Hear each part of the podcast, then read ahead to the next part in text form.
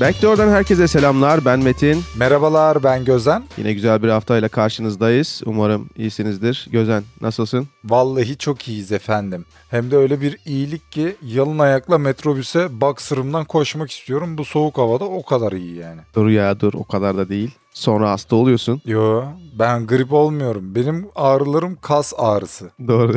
Çok kaslı olduğumdan. Ben de biraz soğuk algınlığı var ya. O yüzden sesim biraz farklı gelebilir. Evet fark ettik sana cümle alem geçmiş olsun diyoruz. Sağ olsun. Teşekkürler. Nasıl geçti haftan? Haftam standart. Bizi biliyorsun. Türkiye gündemi Standart. çalkantılı. Gündem her hafta değişiyor. Bir Ne dolar öyle ya? bir dolar zararımız var. Onu Evet. da sağ olsun vatandaşlarımız oh size iyi oldu diyerek bizi teselli ediyorlar. Halay çekmişler ya olaydan sonra. Evet evet. Yani biliyorsun biz öyle uçlarda yaşarız yani. Ben şey izledim ya. Kasap satırla dolar kesiyordu. O da iyiymiş. Evet. Böyle Güzel de, miymiş tadı bari? Böyle de yedi mi sonra bilmiyorum. Böyle de yaratıcıyız yani. O zaman başlayalım. Evet, Güzel bak bir şimdi. haftayla. farklı konularla. Evet. Satırla dolar kesen adamdan nereye gideceğiz şimdi? Hadi bakalım. Hadi bakalım. Millet uzaya gidiyor klişesi gerçek oluyor. Evet buyurunuz. O, bu arada şey fark ettim başlamadan önce şuna değineceğim. Güldür Güldür'ü izliyor musun? Yok izlemiyorum. Dün bir tane skecini izledim de gündem kaçakçılığı diye. Böyle gündemden kaçmaya çalışıyorlar falan. Komikti. İzleyebilirsin. Aa, bizi anlatıyor yani. Beni anlatıyor daha doğrusu. Gündemden kaçmak Olabilir. için 31 yaşında gitara başladım arkadaşlar. Hadi bakalım. Ve çok güzel. Çalarsın arada. İnşallah bakalım bilekler parmaklar ağrıyor da bakalım gidişat pek iç açıcı görünmüyor şu anda ama denemeye devam. Olur olur. Vazgeçme. Asla. Uzaya çıkıyor muyuz? Uzaya ya, vallahi isterim ya. Türkiye dışında bir yer isterim. Orası uzay olsa da olur evet. Ben Hadi varım. bakalım. Geçen hafta biliyorsun James Webb teleskobunu fırlatılacağından bahsetmiştik. Evet. Dün fırlatıldı. Coşkuyla Happy Christmas takip bu arada. ettik. Happy Christmas mı? Ha, Merry Christmas muhabbeti var ya Christmas ya. Dün Christmas'tı. Ama biz Müslümanız. Tamam işte. Hayır olmaz öyle şey. Onlar bizim kurban bayramımızı kutlamıyor. Hristiyanların özellikle özel bir gün olduğu için, bayramları olduğu için ona ön açlı. Biz cuma günü bekliyorduk fırlatılmayı biliyorsun ama bir gün daha ertelendi ve dün fırlatıldı. Evet evet zaten fırlatılma şey erken de aslında. Cuma bile değildi. Evet. Yani 20, 22'siydi aslında ilk verilen tarih. Sonra Evet. ha, baktığın zaman aslında çok daha öncelerdeki tarihler de vardı da evet evet. sürekli ertelenen bir tarih şey durumu oldu. En son dün fırlatılma gerçekleştirildi. Evet. Fırlatılmayı Takip ben edebilir mi? Fırlatılmayı tam onu söyleyecektim. Fırlatılmayı izlemedim de yine de uzaktan da olsa böyle nasıl diyeyim çocuğunun başardığı bir başarıya sevinirsin ya o duygudaydım ya. Niyeyse böyle Allah. heyecanlıydım yani. Sen de katılsaydın bu yapım aşamasında çok daha güzel olurmuş o zaman. Yani ne yapacaktım ben? Logosunu mu yapacaktım? Olur. Niye olmasın? Beni niye Ucundan bir yerden. yani? Ucundan bir yerden bir yardımın olurdu ya. Yani olabilirdi. Teklif gelmedi abi. NASA çok değişti. James Webb teleskobu biliyorsun Hubble teleskobunun aslında gelişmiş versiyonu olarak üretildi. Yaklaşık 20-25 yıldır geliştirilen bir teleskop. evet. Evet. Ve dünyadan 1 milyon mile kilometre olarak karşılığı nedir tam bilmiyorum şu anda. Çıkaramadım. Yanlış değilsem 1.6 oluyor. 1, bir mile 1.6 kilometreye tekabül ediyor diye hatırlıyorum ama 1 Bir buçuk milyon, milyon mile kilometre. tamam. 1.5 milyon kilometrelik bir uzağa gidecek. Asıl hedefi orası Evet. ve şu an yolda oraya gitmekte. Tahmini varış süremiz muavin duyuruları olur ya.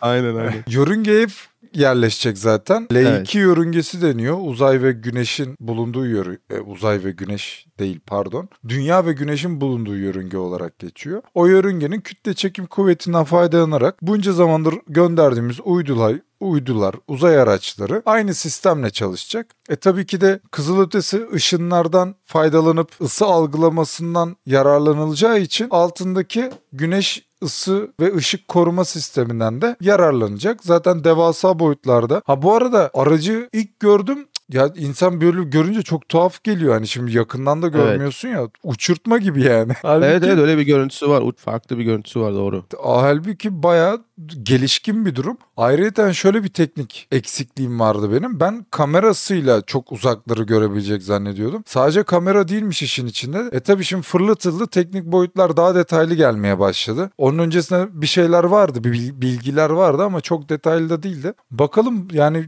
hedefleri çok farklı, çok büyük. Öyle sıradan Ya şöyle mesela anlayabileceği teknik böyle- değil yani. teknik olarak şöyle diyebiliriz hani daha basitleştirmek için. Görüntü olarak baktığın zaman bir roket roket şimdi onu uzaya fırlatmak için normalde açılan bir şey. Yani uçurtma var dediğin aslında güzel bir örnek oldu orada. Aslında kanatlar böyle uçurtma gibi şeyleri var. Fakat yukarı uzaya fırlatılmadan önce bunu o şekilde fırlatamayacakları için bir roketle fırlatıldı. Ve uzaya geçtikten sonra parça parça adım adım açılacakmış bu kanatlarla beraber. Bu kanatlar açıldıktan sonra bir tenis kortunun boyutunda aslında. Bayağı büyük bir şey Evet. işin özünde. O şekilde açıldıktan sonra da artık görevinde başlayacak. Tam olarak neye hedefliyorlar? Şimdi tamam canlı araştıracaklar. Yeni gezegenleri araştıracaklar. Yani hep yeni bir şey araştırma. Onun dışında Tabii tabii. başka bir şey var mı? Asıl tabii ki de asıl hedef senin de dediğin gibi yıldızların ve galaksilerin oluşumu hakkında daha fazla keşif elde etmenin hedefindeler. Ama burada en önemli çıkan nokta şu oluyor ben öyle düşünüyorum. Şimdi kızılötesinden bahsettin.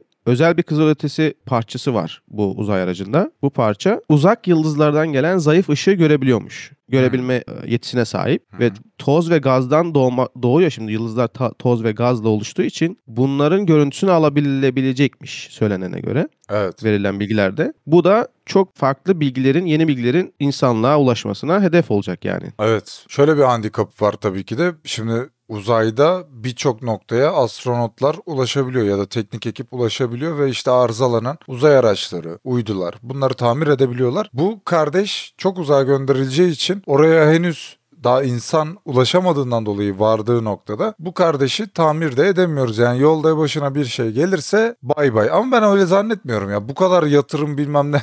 Ya tabii ki de. bir arıza Ya oldu söyle- hadi görüşürüz zannetmiyorum yani. Verilen bilgilerde şöyle bir durum var. 300 adet farklı arıza durumu oluşabilirmiş. Ama bunlara karşı tabii ki de hani karşı olarak kendini tamir etme sistemleri var içerisinde. Bir kısmında var bir kısmında yok ama 300 farklı oluşabilecek handikapları bunlar çıkarmış. Bu dataları, verileri toplam e, ayarlamışlar. Ama şu an için görüntüde herhangi bir arıza görünmüyor. Başarılı olursa yani hedefleri bu amaçları başarılı olursa bu NASA ve Avrupa Uzay Ajansı ile beraber Kanada'nın uzay ajansı ortak bir girişimiydi bu arada. Bunların yaptığı bu teleskobun başarılı olması sonucunda maddenin büyük çoğunluğunu oluşturan gizemli maddenin ayrıntılarını keşfetmeyi amaçlıyorlar. Ve bu Evet. da bilim insanlarına uzay maddesi hakkında değerli bilgiler getirecek. Biz göremeyeceğiz. Ben öyle tahmin ediyorum ama işte ileride bu uzaya yerleşme, kolonileşme falan filan dedikleri olayı. Onun için adımlar atıyorlar muhtemelen. Yani çünkü büyük büyük bir adım şimdi işin özünde orası gerçek. ve ilk görüntülerde 21 gün sonra elimize gelecek. Yani ulaştıktan 21 gün sonra. Hı hı. Öyle diyorlar. Yani akarı kokarı olmadan. Tabi bilimde kesinlik yoktur. Gri alanlardan oluşur. Bu sarkabilir. Ama- Tahmini. Hepsi varsayımsal olarak genelde. Evet evet. Diyor. Bakalım neler bulacaklar neler görecekler ama bak burada da söylüyorum ha milyonların önünde Pentagon'a uzaylı saldırısı olacak ama bunu baştan söyleyeyim CIA MIA uğraşamam ben bu yaştan sonra yani vay efendim nereden biliyordunuz yoksa siz mi yaptınız falan diye gelmeyin bana. O çıkardığınız Illuminati kartlarından ve Amerika'nın komplo tarihinden dolayı ben bu çıkarımı yapıyorum. Ondan sonra suç ortağı muç ortağı beni elin alien'ıyla bir tutmayın. Burada anlaşalım. Hadi bakalım. Fotoğraflar geldiği zaman tekrardan üzerine değiniriz zaten muhtemelen. Kuantum bilgisayarlarla alakalı bilgin var mı? Kuantum bilgisayarlarla alakalı bilgim var ama biz daha bir kendi standart masaüstü PC'mizi güncelleyebilecek noktada olmadığımız için o kadar bilgim var. Fikrim yok. Kuantum bilgisayarlar çok ilginç. Yani biraz araştırdım, baktım. Daha önce de ilk gördüğümde dikkatimi çekmişti zaten. Çok ilginç seviyelerde araştırmalar var. Yani biz gerçekten bazen diyorsun, anlıyorum seni. Türkiye'deki gündem çok başkayken dünyada gelişmeler çok başka oluyor. Bu noktalardan biri de kuantum bilgisayarlar, kuantum programlamalar. Harika bir şey ya. Bilmiyorum hani sonumuz nereye, orada sonu nereye gider? Sonunu nereye bağlarlar bu kuantum bilgisayarlarda? Ama çok farklı bir bilgi ve şey geliyor o noktada. Kuantum bilgisayarları da biliyorsun bu da yeni bir teknoloji değil. Çok eski. Ben şeye daha çok şaşırıyorum ya. Bu ya tabii ki de şeyi tahmin edebiliyorum ya. Bu teknolojiler dün var olmadı. Uzun zamandır üzerine çalışılıyor. Hatta direkt bu teknoloji olmasa bile başka bir çalışma alanında bu keşfedilip bu yöne de kaydığı olan çalışmalar var falan ama böyle mesela az önce James Webb dedik ya 25 yıllık bir geçmişi var. Yani o yüzden bu nokta beni şaşırtıyor. Ulan diyorum bayağıdır çalışıyorlar yani nereden baksan. Şimdi bu kuantum Aynen. bilgisayarlar da benim gördüğüm kadarıyla tek yaptık yani şu aşamada tek benim gördüğüm verileri daha hızlı ve kusursuz işliyor olması. Zaten qubit tekniği kullanılıyor. Daha doğrusu teknolojisi tekniği demeyelim. Teknolojisi kullanılıyor. Normal bilgisayarlar bit teknolojisiyle çalışıyor. Aradaki en büyük farklardan birisi bu. Tabii ki de şu aşamada herhangi bir satışı yok. Vatandaşlar şu aşamada alamıyor. Muhtemelen yine ilk kullanılacağı yerler askeriye belki de kullanılıyor. Ondan da emin değilim. Askeriye, işte uzay Finans. teknolojisi, finans olabilir evet. Aynen. İlaç tasarımları falan. Bu Hava tarz yerlerde kullanılacaktır. Onun dışında aktaracağım varsa tabii ki de seve seve dinleriz. Dediğin gibi uzun zamandır var olan bir teknoloji ama uzun zamandır derken de böyle yüzyıllar değil de 1980'den bu yana. ilk çalışmalar 1980'den sonra başlamış. Şöyle açıklayabiliriz kuantum hesapla, kuantum teknolojisini, kuantum hesaplamayı, programlamayı. Kuantum teorisini duymuşsundur biliyorsun zaten. Kuantum teorisinin ilkelerine dayalı olarak geliştirilen bir teknoloji aslında. Bu teknolojiyi geliştirmeye odaklanan yani kuantum il teorisinin ilkelerine dayanarak bilgisayar teknolojisini geliştirmeye odaklanan bir bilgi işlem alanı aslında.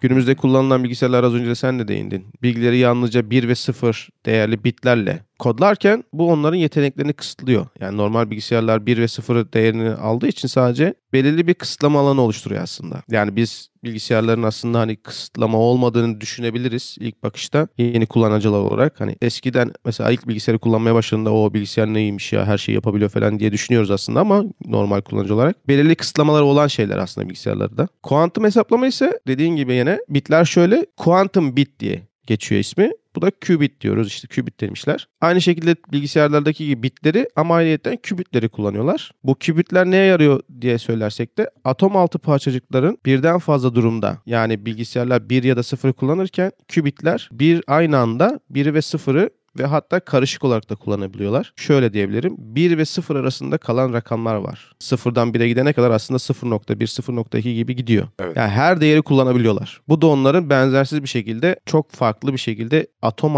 atom altı parçacıklarının değerlerini bulabilmekte de data veri çıkarabilmekte onlara etken sağlıyor. Ve bunu bunu çok hızlı yapıyorlar ya. Gerçekten çok hızlı yapıyorlarmış. Büyük teknolojiler ya bunlar. Dediğim gibi ama biz daha yani son teknoloji insanlara satılan son teknolojiyi bile takip edemediğimiz için Avrupa ve Amerika'ya hayatında başarılar diliyoruz.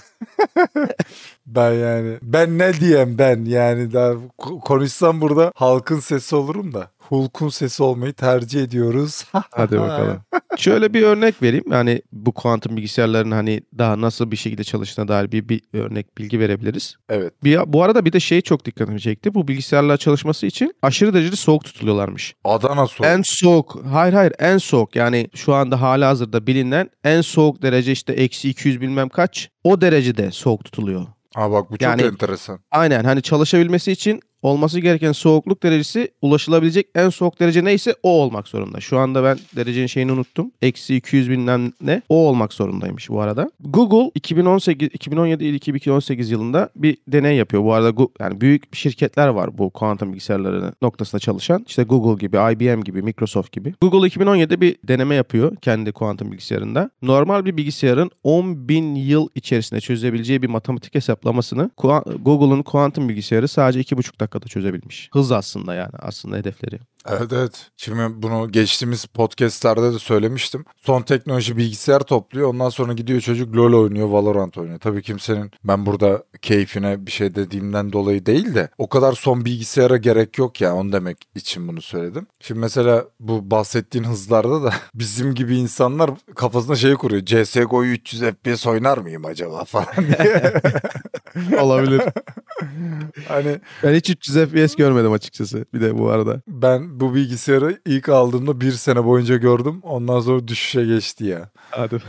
Kuantum bilgisayarda da veri işleme noktasında değil 300 5000 FPS bile gösterir yani de. Tabii orada monitörün hızı bilmem nesi de devreye giriyor. Öyle bir bilgisayar değil aslında işin özünde baktığında da. Değil tabii yani canım. gelecekte öyle o şekilde kuantum bilgisayarlar kullanabilir miyiz? Çin'in de mesela kuantum bilgisayarına çok fazla yatırım yaptığı haberleri var. Bu noktada işte ama şöyle bir durum var. Çin bir de şunu hedefliyormuş. Normal kullanıcıların da kuantum bilgisayar kullanabilmesini sağlamak için o noktada yatırımlar sağlam yatırımlara ge- geçmişler ve hedeflerinde hali hazırda kuantum bilgisayarı hızındaki bir bilgisayar alabiliyormuşsun 50 bin dolarmış. Bunu 5 bin dolara indirmek. Ama hani nasıl bir kuantum bilgisayar olacak onu tabii bilmiyorum. Öyle net bir bilgi yok o noktada. Her çıkan yeni teknolojiden sonra zaten bu tarz şeyler ikinci, üçüncü, beşinci plana kadar gerileyecek o noktada. Problem yok. Ama ne zaman olacak? Nasıl olacak? Mesela şey bilirsin işte bu Google ondan sonra Nvidia bunların oyun PES'ler var ya Xbox PES'ler falan alıyorsun aylık. PlayStation Xbox, evet. Ama ben bilgisayardakine örnek vereyim yani. İşte aylık para veriyorsun Nvidia'ya mesela. Seni bilmem Ha, neredeki... Stadia, Stadia'yı diyorsun sen. Evet, Hakikaten. evet. Google'ın Stadia'sı, Nvidia'nın da bir tane bir şey tamam anladım. Oyun platformu aslında Netflix gibi. Evet evet adı aklıma gelmedi ya. İşte parasını veriyorsun seni bilmem neredeki üst düzey bilgisayara bağlıyor. Sen kusursuz şekilde internetin el verdiği sürece kusursuz şekilde evet. oynayabiliyorsun oyunu. Yani FPS problemi yok, ping problemi yok falan filan. Yani ping problemi internet hızıyla alakalı da. Gibi gibi şeyler var. Teknoloji mesela geldiğinde daha işte iki sene oldu olmadı. Pandemi yoktu yani. Daha bile eski. Google bunu ilk duyurduğunda herkes şeyi konuşmaya başlamıştı. Masaüstü bilgisayarlara elveda deyin falan filan. Değil işte o kadar hızlı değil yani o işler. Bak Stadia ne oldu? Şu an hala gelişme aşamasında. Nvidia bunu mesela en hızlı şekilde yaptı. Biz hep Google'lu konuştuk o dönemde. Nvidia en hızlı şekilde yaptı. Nvidia şu an tüm dünyada Türkiye'de bile satışına devam ediyor. Yani alıyorsun ve devam ediyorsun ama yine kişi şey demiyor mesela insanlar alışın alışkanlık mı diyeyim buna başka bir rahatlıktan mı onu bilmiyorum. Adamın mesela bilgisayar alacak durumu olsun o üyeliği iptal eder evine bilgisayar alır. Halbuki arka planda sen oyunlara da para veriyorsun o noktada ama orada oyuna da para vermiyorsun. Ama yine de adam kendi bilgisayarı olmasını tercih eder. Bilgisayar olmayan insanlar genelde o şeyi yapıyor, uygulamayı kullanıyor en azından Türkiye'de. O yüzden diyorum yani teknoloji şimdi biz kuantum bilgisayarlar falan diyoruz ama benim erişebildiğim kaynakların 8 senesi var yani. 8 sene öncesi bile üzerine çalışılıyormuş. Duydunuz işte 1980'den bu yana çalışılıyor. İnternete kaynak yüklemesi de en azından bizim erişebildiğimiz 2016 falan ediyor. Aynen öyle. Ya şimdi şöyle bir şey var. IBM mesela Google haricinde IBM ve Microsoft kendi kuantum bilgisayarlarını bulut teknolojisi üzerinden üniversitelere, araştırmacıların kullanmasına açık aslında. Ücretsiz kullanabiliyorlar. Ama Google hala bunun izni vermemiş. İleride bunları daha da çok açacaklardır. Zamanla normal kullanıcıya, halka da açarlar mı onu bilmiyorum. Öyle durumlar var. Yok değil. Oyunlardan girmişken Unreal Engine 5 gördün mü? Tabii ki de gördüm ya. Ben Unreal'ı öğrenmek istiyorum zaten. Çok iyi Evet. bir şey ya. Oyun geliştirme noktasında zaten Unreal şu an öncü. Bu arada haberdarsındır belki Epic Games'in Unreal Engine Evet. ve Epic Games'i de Çinliler satın aldı. %48'ini Tencent satın aldı evet. Evet. Ama Amerikan Amerika merkezli. Evet evet çıkış noktası öyle zaten. Ben en son okuduğum Çinliler satın aldıydı. Yüzdelik payını bilmiyordum. Yüzde 48, 48'miş. O muhtemelen ileride yüzde yüze kadar gider. Unreal'da bunların oyun yapma motoru olarak geçiyor ama böyle söyleyince bilgisi az olan insanlar ben kendimden yola çıkarak hep böyle konuşuyorum. Benim de bilgim azken öyle zannediyordum. İşte oyun yapma motoru ne yapılır? Oyun yapılır. Değil aslında. Yani sen 3D modelleme de yapabilirsin. Metaverse evreninde yapabilirsin. Artık mimarsan mimari bir yapıt da oluşturabilirsin. Hani böyle siteler falan yapıp insanlar orada gezdirebilirsin sanal Evet. ortamda. Birçok şey yapabilirsin yani. Sadece oyun yapılmaz. Ben o anlamda Unreal Engine'i öğrenmek istiyordum. Ondan sonra bu 5'in çıkacağı nokta falan geldi. İşte geçen Epic Games'e baktım yine indiremiyorduk hala. Ön şeydeydi. Sipariş demeyeyim parayla satılmıyor çünkü de. Ön bir şeydeydi Aa, yani daha herkes Ve indiremiyordu. sıra, sıraya giriyorsundur muhtemelen. Evet evet. Waitlist. Bekleme sırası işte. Onun gibi bir şeydi yani. İndirememiştim. Sonra dedim bari 5 çıkınca tamamen herkes public ulaşabileceği zaman ben de indiririm demiştim. Abi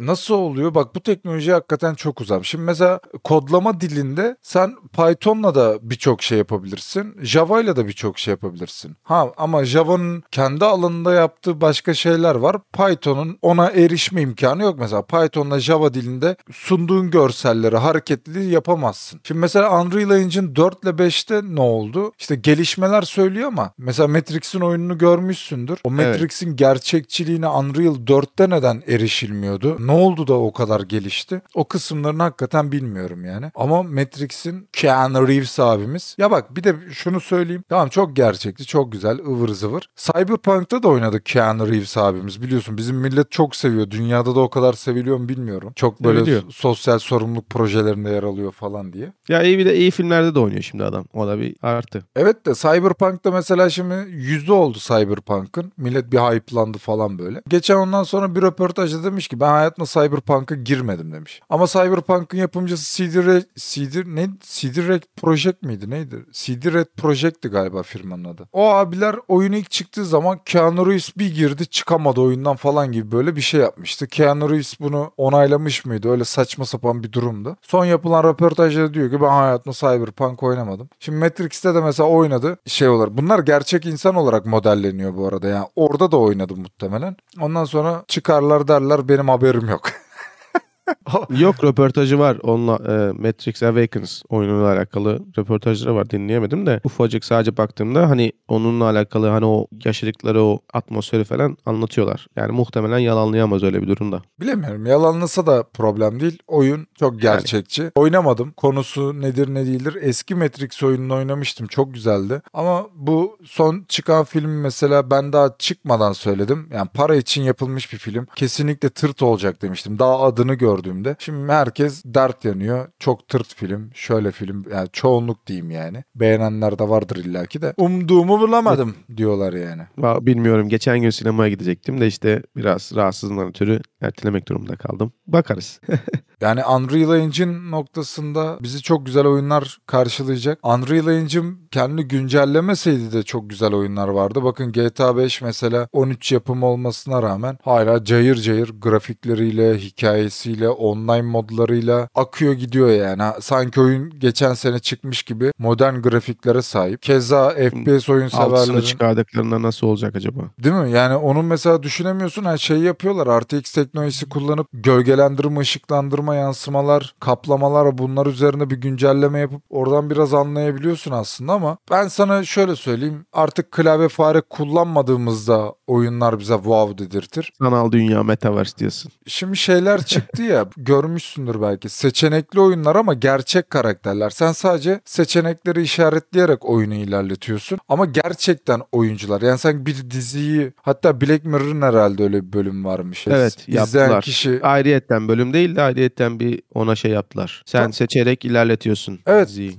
Tam olarak öyle oyunlar yapmaya Filmi işte ya başladılar. Ama orada bile gerçek olamazsın. Çünkü tıklıyorsun ediyorsun. Ya ortamın içerisinde değilsin. O yüzden grafikler evet ben grafik hastasıyım. Yani bir oyunun grafiklerine göre değerlendiririm. O yüzden zaten pixel art oyunlar çok ilgimi çekmez ama sevdiğim oyunlar da vardır. Unreal Engine 5 değil 12 de gelse grafikler güzel olacaktır. Ama dediğim gibi hissiyatımız çok da değişmeyecek. Unreal Engine'da mesela dikkatimi çeken sen az önce bahsettin hani nedir farkı diye dörtten. İki temel farkı var aslında varmış. Lumen ve Nanit sistemleri. Onlara değinmeden önce Unreal Engine'ı neden hani indirip deneyebilirsiniz ve keyif alabilirsiniz ve artısı ne oluyor? Şöyle diyebilirim. Herhangi hani herkes Unreal Engine 5'i indirebilir ve bunun ücretsiz bir şekilde kullanabilir. 1 milyon dolar yapana kadar hiçbir şekilde sizden hiçbir ücret talep edilmiyor. Bu böyle bir şey var. Bu çok güzel bir şey. Haliyle insanlar indirip farklı farklı denemeler yapıp bir oyun üretebilirsin. Senin az önce dediğin gibi Metaverse evreni üretebilirsin. Minecraft gibi çok daha böyle pikselvari oyunlar yapıp bunları eğer hani yaptıktan sonra artık zaten senin elinde. Yani o yapıcının oyunu ya da o ürünü yaratanın elinde bunu pazarlaması, sunması, insanlara ulaştırması. Ve bunu yaptıktan sonra 1 milyon dolar yap 1 milyon dolar yapana kadar ulaşana kadar sizden hiçbir şekilde para talep etmiyor Epic Games bu noktada. O yüzden güzel bir şey. Grafikleri çok gerçekçi. Şu an günümüz teknolojisindeki en gerçekçi grafiklere sahip neredeyse.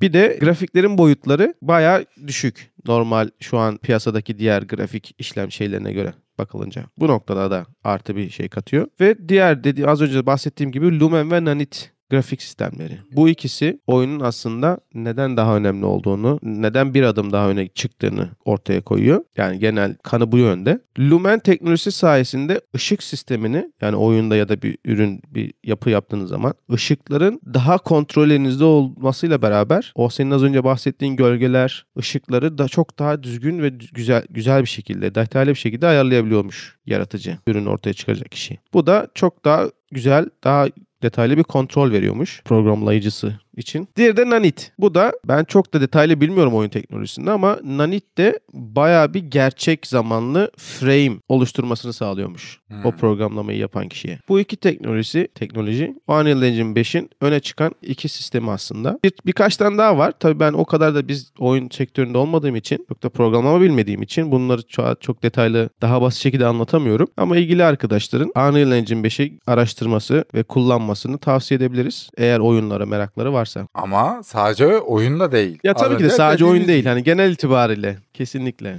Evet ben deneyeceğim. Ben indireceğim yani bu programdan sonra direkt Epic Games'teyim. Ücretsiz kullanım kılavuzları, şeyleri, kursları var. Unreal Engine 5'i kullanabilmek için. Bakacağız işte. Türkçe kaynak da mutlaka vardır. Ee, Eğitimleri falan. evet. Olabilir aynen bakabilirsin. değerlendireceğim. Belki de ileride benim metaverse'ümde konuşacağız. Neden olmasın? programı yapacağız. Artık tokenları satarsın bize. Hayda.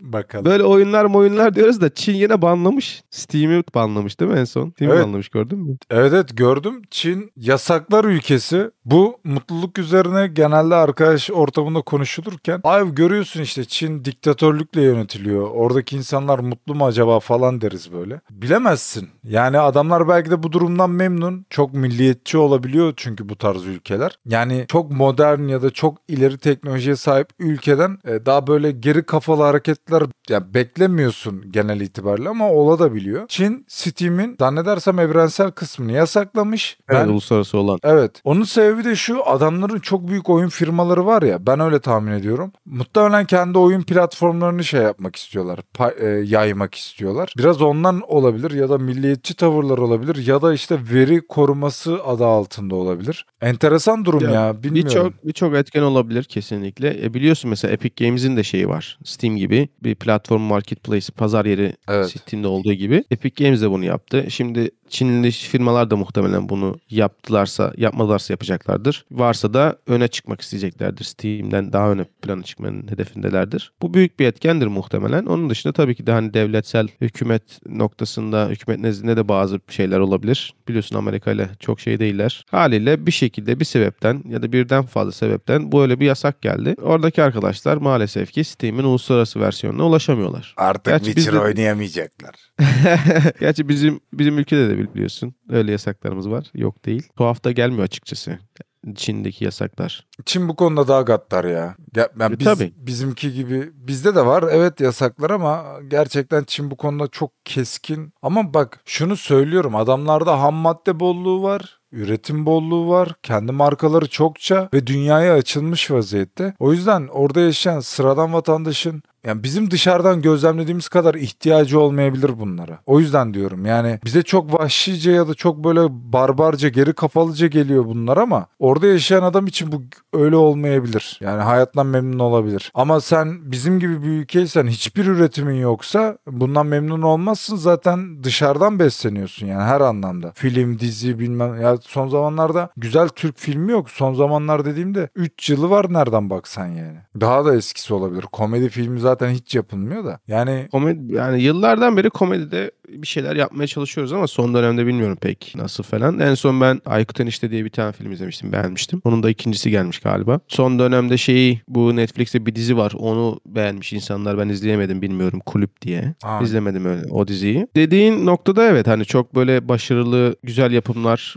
yani tartışılır ama Netflix geldikten sonra Netflix'e daha çok Netflix e, üzerinde odaklı filmler, diziler yapmaya çalışıyorlar Türkiye'de de. bakalım. Sinema sinema noktasında neler olacak, neler oldu, olur onu bilmiyoruz tabii ki de. Bu arada bu çekik gözlü kardeşlerimizin özellikle o coğrafyada yani atıyorum Kore'nin, Japonya'nın falan kendi içerisinde sadece kendi milletine, kendi sınırları içerisinde yaptığı bir sürü oyun, film, dizi var. Dünyaya ya açılamıyorlar o kısmından emin değilim ya da bilerek açmıyorlar. Mesela Pokemon'un türlü türlü oyunları var ve Japonya'da çok ünlü Pokemon. Geçen Twitch'te bir tane yayıncı oynuyordu Japon. O mesela ben o oyunu ilk defa gördüm. Yani ne bir haberini gördüm ne bir şeyini gördüm. Sadece bu animeler üzerinden dünyaya açılmış yapımların dünya pazarında oyunları yer bulabiliyor. İşte bunlardan birisi Naruto, One Attack on Piece. Titan. One Piece'in oyununu görmedim açıkçası ama muhtemelen Direkt, yüzde yüz direkt oyunu yok yani. da e, vardır muhtemelen de direkt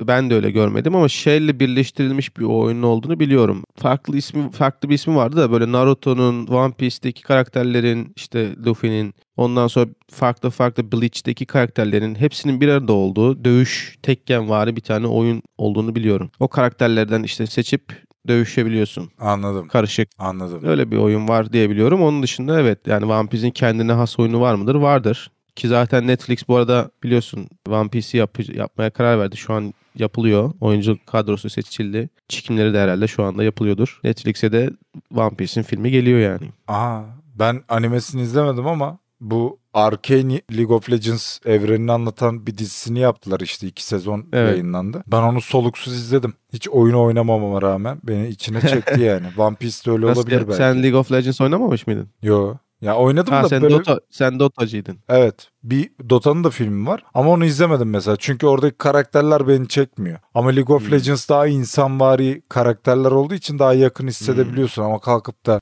Dota'daki bir yılanla ne kadar empati yapabilirsin. Doğrudur.